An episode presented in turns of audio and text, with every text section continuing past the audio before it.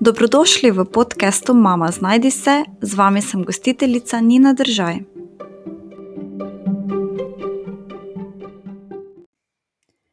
Pet najslabših na svetu, ki sem jih dobila, odkar sem postala mama. V današnji epizodi podcasta Mama Znajdi se bom spregovorila o najslabših nasvetih, ki sem jih dobila v letih, odkar sem postala mama. Moram reči, da je bilo teh nasvetov v prvih letih veliko in da te ljudje kasneje, ko so otroci malo večji, pustijo tudi malo bolj pri miru ter se manj vmešujejo. Če morda katero od vas to potolaži, ker je težko poslušati te nasvete. Uh, ti nasveti so ponovadi izrečeni v nekoliko obsojajočem tonu, čeprav z masko dobronamernosti. Ampak, uh, kakorkoli že, verjamem, uh, da ljudje po večini res ne želijo nič slabega, čeprav v 21. stoletju, ob vsem znanju o otroških možganih, o živčnem sistemu, o njihovem razvoju, se pravi o otrokovem razvoju na splošno, ter tudi o psihologiji, zdaj znamo drugače. In žal mi je, da še vedno poslušamo te nasvete in da nekateri še vedno verjamejo stvari, ki v bistvu niso, uh, niso resnične, nimajo znanstvene podlage. Eh, bolj kot sem razmišljala, bolj sem ugotovila, da teh najslabših nasvetov ne bom mogla na tako natančno opredeliti po točkah, kot sem lahko najboljše nasvete, o katerih sem govorila v prejšnji epizodi. Eh, da si boš znala predstavljati in primerjati z današnjo epizodo, te vabim, da prisluhneš tudi tisti epizodi, torej sedmi epizodi. Uh, bom zdaj na začetku naštela nekaj nasvetov, ki sem jih dobila in so za me osebno najslabši, kar sem jih kdaj dobila. Prav tako pa bi želela, da se ne prenašajo naprej na druge mamice, ker tudi niso dobri na sveti. Uh, niso dobri ne za mame, ne za otroke. Uh, to res verjamem, po vsem, kar sem prebrala in poslušala, ter si pogledala uh, razne knjige, predavanja, dokumentarce. Eh, zato bo to ena taka epizoda, ki bo pomagala ozaveščati in normalizirati nekatere stvari, kot ozaveščajo in izobražujejo tudi vse te stvari, ki sem jih brala in poslušala. Pa jih je več, uh, tako da zdaj niti točno ne vem, katere knjige uh, poimensko so to, zato ne bom omenjala določenih, bom pa potem, kasneje, v naslednjih dneh, poskušala še kaj uh, deliti na svojem Instagramu. Uh, torej, poskušala bom malo izbrskati kakšne te članke, knjige, ki sem jih brala in jih bom podelila v storijih, uh, tako da me lahko spremljate na Instagramu z ljubeznijo mama. Uh, moram pa še povedati to, da sem najprej mislila uh, v bistvu uh, današnjo epizodo malo obrniti na hec. Uh, ker so pač najslabši na svetu, nekateri so mogoče tudi smešni, uh, nekateri, ti, ti najslabši na svetu. Ampak potem, ko sem začela razmišljati o njih uh, in sem se spomnila teh nekih uh, slabih na svetu, ki sem jih dobila, uh, in sem začela razmišljati, koliko škode v bistvu lahko naredijo uh, takšni nasveti, pa sem se odločila, da o tem sprego spregovorim malo bolj resno in da pomagam v bistvu razširiti nekaj zavedanja o tej temi. Uh, boste takoj videli, zakaj gre, ko bom začela, uh, in bom tudi razložila svojo osebno izkušnjo, ki mi to potrjuje. Tako da to ne bo zdaj samo neko navajanje dejstev, niti nimam toliko znanja. Govorim predvsem kot mamica treh otrok, ki je to že dala skozi in se je iz nekih teh situacij že nekaj naučila. Torej, če zdaj naštejem teh nekaj nas, večino od njih, uh, večino teh nasvetov sem dobila, ko so otroci bili še dojenčki. Uh, se pravi, ti nasveti so.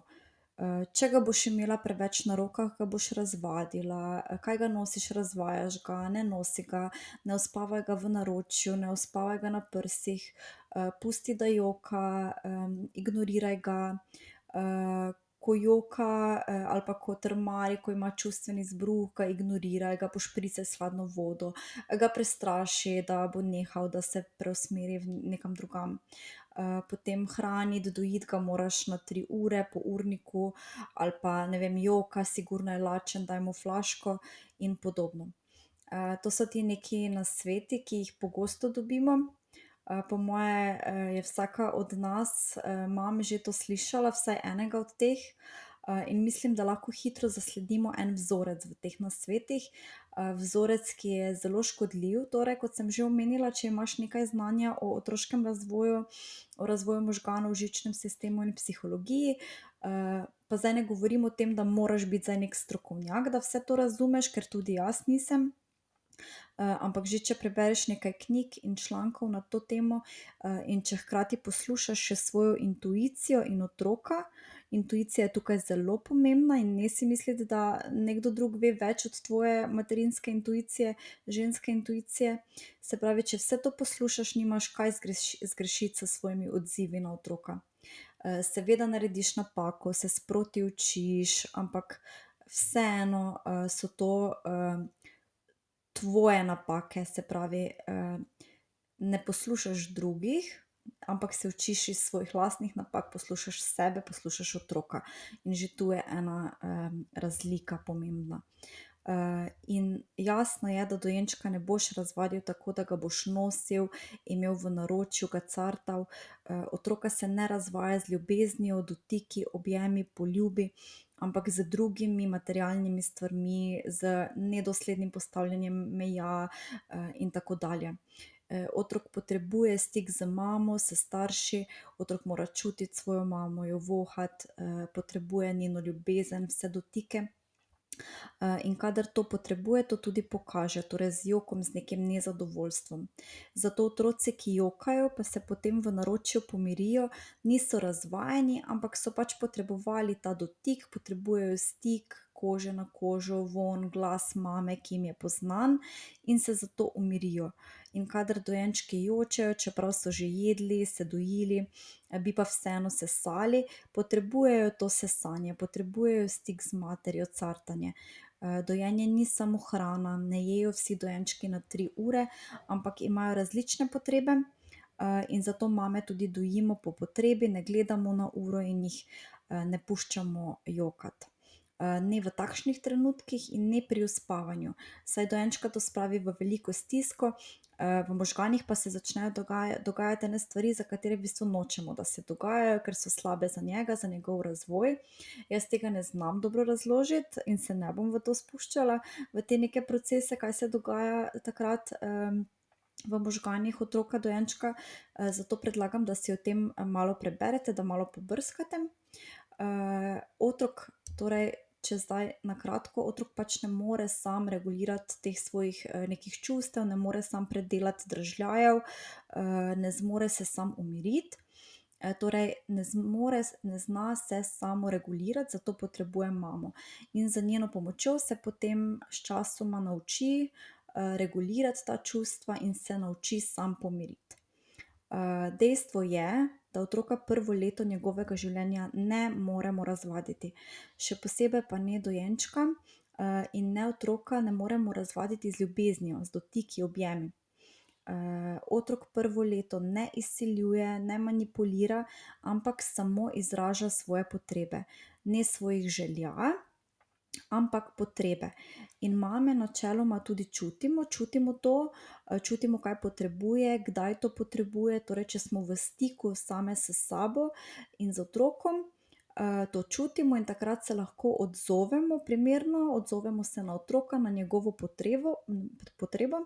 In med otrokom in mamo se vzpostavlja neka varna navezanost, ki je za otroka zelo pomembna in bo zanj pomembna tudi, ko bo odrasel, saj je osnova za vse ostale odnose, torej za vzpostavljanje vseh ostalih odnosov, v katere vstopamo tekom življenja. Za odzivanje na razne situacije, za doživljanje sveta, če kar nekako splošno rečem. Gre pa torej to za teorijo navezanosti, o kateri pa lahko tudi več preberete v kakšni literaturi, če vas zanima. Zanimivo je, da velikokrat, ko mamica sliši dojenčka jokati in, če doji, da ji avtomatsko začne teči mleko iz prsi, kar je torej definitivno znak, da narava želi, da potolažimo dojenčka, ki joka. Ne vem, če ste to že doživele, jaz sem, tako da lahko to potrdim. Tukaj bi rada še povedala, kar sem že večkrat, da, smo novopečene mamice malo zmedene, da se še lovimo, se učimo prepoznavati potrebe dojenčka, se šele povezujemo z dojenčkom in s svojo materinsko platjo. predvsem v tem obdobju novorojenčka, šele prepoznavamo intuicijo in smo takrat tudi na splošno bolj občutljive, že zaradi delovanja hormonov in vseh ostalih sprememb. Zato lahko vsi zgoraj omenjeni nasveti, četudi dobronamerni, pa vendar, velikokrat preveč obsojajoče rečeni, torej lahko zelo škodijo, lahko sprožijo to, da začne mamica dvomiti vase, da se počuti, kot da nekaj ne dela prav, da začne namesto sebe in svojo intuicijo ter otroka poslušati druge, preizkušati te nasvete, zaradi česar pa se še potem bolj oddalji od sebe in je še težje, pa vendar misli, da je tako prav, da mora, tako početi. včasih zato reagira, kot drugače ne bi. Recimo pusti dojenčka jokati, ga ne vzame v naročje tako pogosto, kot bi ga, če bi poslušala sebe in podobno. In potem se lahko kasneje, ko prepozna, da ni naredila po svoje, kot bi bilo mogoče najboljše za otročka, pride do občutkov obžalovanja, do občutkov slabe vesti. rada bi vam samo povedala, da pustite te občutke in sprejmite, da ste v tistem trenutku ravnale, kot ste mislile, da je za otroka najbolje. Torej za nazaj ne morete nič spremeniti in vse to je proces učenja. Od zdaj naprej, se pravi od trenutka, ko boste to prepoznale, pa boste lahko, ravnale drugače, kar je odlično. lahko tudi, da se vam še vedno zdi, da ste naredile prav, tudi če ste upoštevale te nasvete in pustile dojenčka jokati ali karkoli, in da verjamete, da je to najbolje zanj, tudi prav, tako čutite, tako ste naredile, v redu.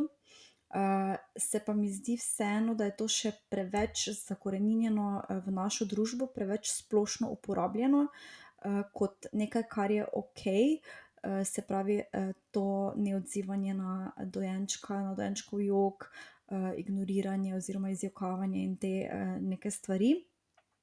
Preveč je to v bistvu razširjeno med starejšimi in mlajšimi, glede na to, da imamo danes informacije in znanje, ki jih včasih ni bilo. In zdi se mi prav, da se torej razširi to vedenje o stvareh, da se imajo starši možnost o tem poučiti, in tisti, ki želijo, torej se o tem poučiti, da lahko potem se poučijo in delujejo drugače. Se pravi, da stopiš v stik z intuicijo in svojim otročkom, da, preko tega, da razumeš neke procese in zakaj je nekaj tako, da začneš z razumevanjem mogoče gledati na dojenčka, na otroka in z nekim zavedanjem, da gre za osnovne življenjske potrebe po ljubezni, varnosti, navezanosti, ki jih je potrebno zadovoljiti. tudi jaz sem pri prvem otroku, ki je bil kar zahteven dojenček, je veliko jokal in malo spal in vse ostalo, kar spada pod opis zahteven, sem torej tudi jaz poslušala razne nasvete in nekatere žal tudi upoštevala. dokler si nisem rekla: "Dovolj, čutim, da to ni okej, da moram jaz te neke stvari narediti drugače." in sem si prebrala torej nekaj literature, ki mi je dala samozavest, znanje, da se bolje odzivam na otroka. In potem sem pri drugem in tretjem otroku že lažje preslišala te neke nasvete, lažje sem naredila po svoje, glede na svoje, občutke, glede na svoje znanje, in res sem se odzivala na njih, na otroke. imela sem jih veliko v naročju, dojila sem jih po potrebi, tudi ponoči jih uspavala v naročju, na prsih, kakor je pač prišlo. v glavnem sem bila vedno v njihovi bližini in odgovarjala torej na njihove potrebe, se odzivala na njih, in pokazalo se je, da je resnično potem takim otrokom, ki imajo to izkušnjo, da se mama nanje odziva, da je svet varen, da jim je potem lažje iti v svet, na pot samostojnosti, vedo, da si nekje tam, če te če te bodo potrebovali. In mi tudi nikoli nismo imeli nekih težav pri uvajanju v vrtec. to zdaj ne pomeni, da ni bilo nič, joka, ni bilo pa zdaj nekih hudih, hudih, izpadov ali neke velike, velike stiske. Enako je pri stiku z drugimi ljudmi, vedno so nekako lepo navezovali stike z drugimi, niso bili prestrašeni, niso bili preveč sramežljivi, in enako v novih situacijah so se počutili, nekako varne, tudi v tistih neprijetnih situacijah so se znašli, še vedno se znajdejo in so zelo prilagodljivi bili in so, včasih še preveč zaupljivi, no. Pa zdaj ne rečem, da je to samo zaradi tega, ampak sigurno je pa tudi zaradi tega, torej zaradi te pozitivne izkušnje, iz tega zgodnjega obdobja, ker so imeli občutek, da so slišani, videni, da je za njih poskrbljeno, da so varni. niti približno ni bilo in ni tako, da bi zaradi tega, ker sem jih imela veliko v naročju, in bila ves čas ob njih, torej govorim o tem prvem obdobju, prvem letu, da bi potem imeli težave s samostojnostjo in se me držali za kiklo, kot rečejo, ali pa da bi še bolj jokali, še bolj iskali mojo pozornost in tako dalje, kot se predvideva, in kot se argumentira te nasvete, zakaj jih ni dobro nositi, imeti v naročju, spati z njimi, jih pomiriti vsakič, ko zajokajo. niso se torej res vadili v tem smislu, kot so velevali ti nasveti. Se mi zdi pa, da je treba imeti en občutek, da je treba vedeti, kdaj je čas, da jih začneš spuščati v svet, kdaj se začnejo postavljati neke meje, kakšne so te meje, in drugo, kar pa tudi otroci sami nakažejo z raznimi znaki, saj si navsezadnje tudi želijo biti samostojni. In te neke ključne trenutke kot starši pač je prav, da se naučimo jih prepoznati in, da se potem to, spontano dogaja, to osamosvajanje. kar pa seveda ne pomeni, da jih takrat potem več ne crtamo in ne objemamo in tako, da nimajo te bližine, bližina je vedno pomembna za otroka. spomnimo se mogoče na to razlikovanje med potrebami in željami, če se bojimo, da bi jih razvadili. se pravi, eno so potrebe in absolutno tukaj potreba po bližini vedno je, in eno so pa želje, ko mogoče potem kot starejši, izražajo neke neke svoje želje, ki pa jim seveda ni treba vsem ugoditi.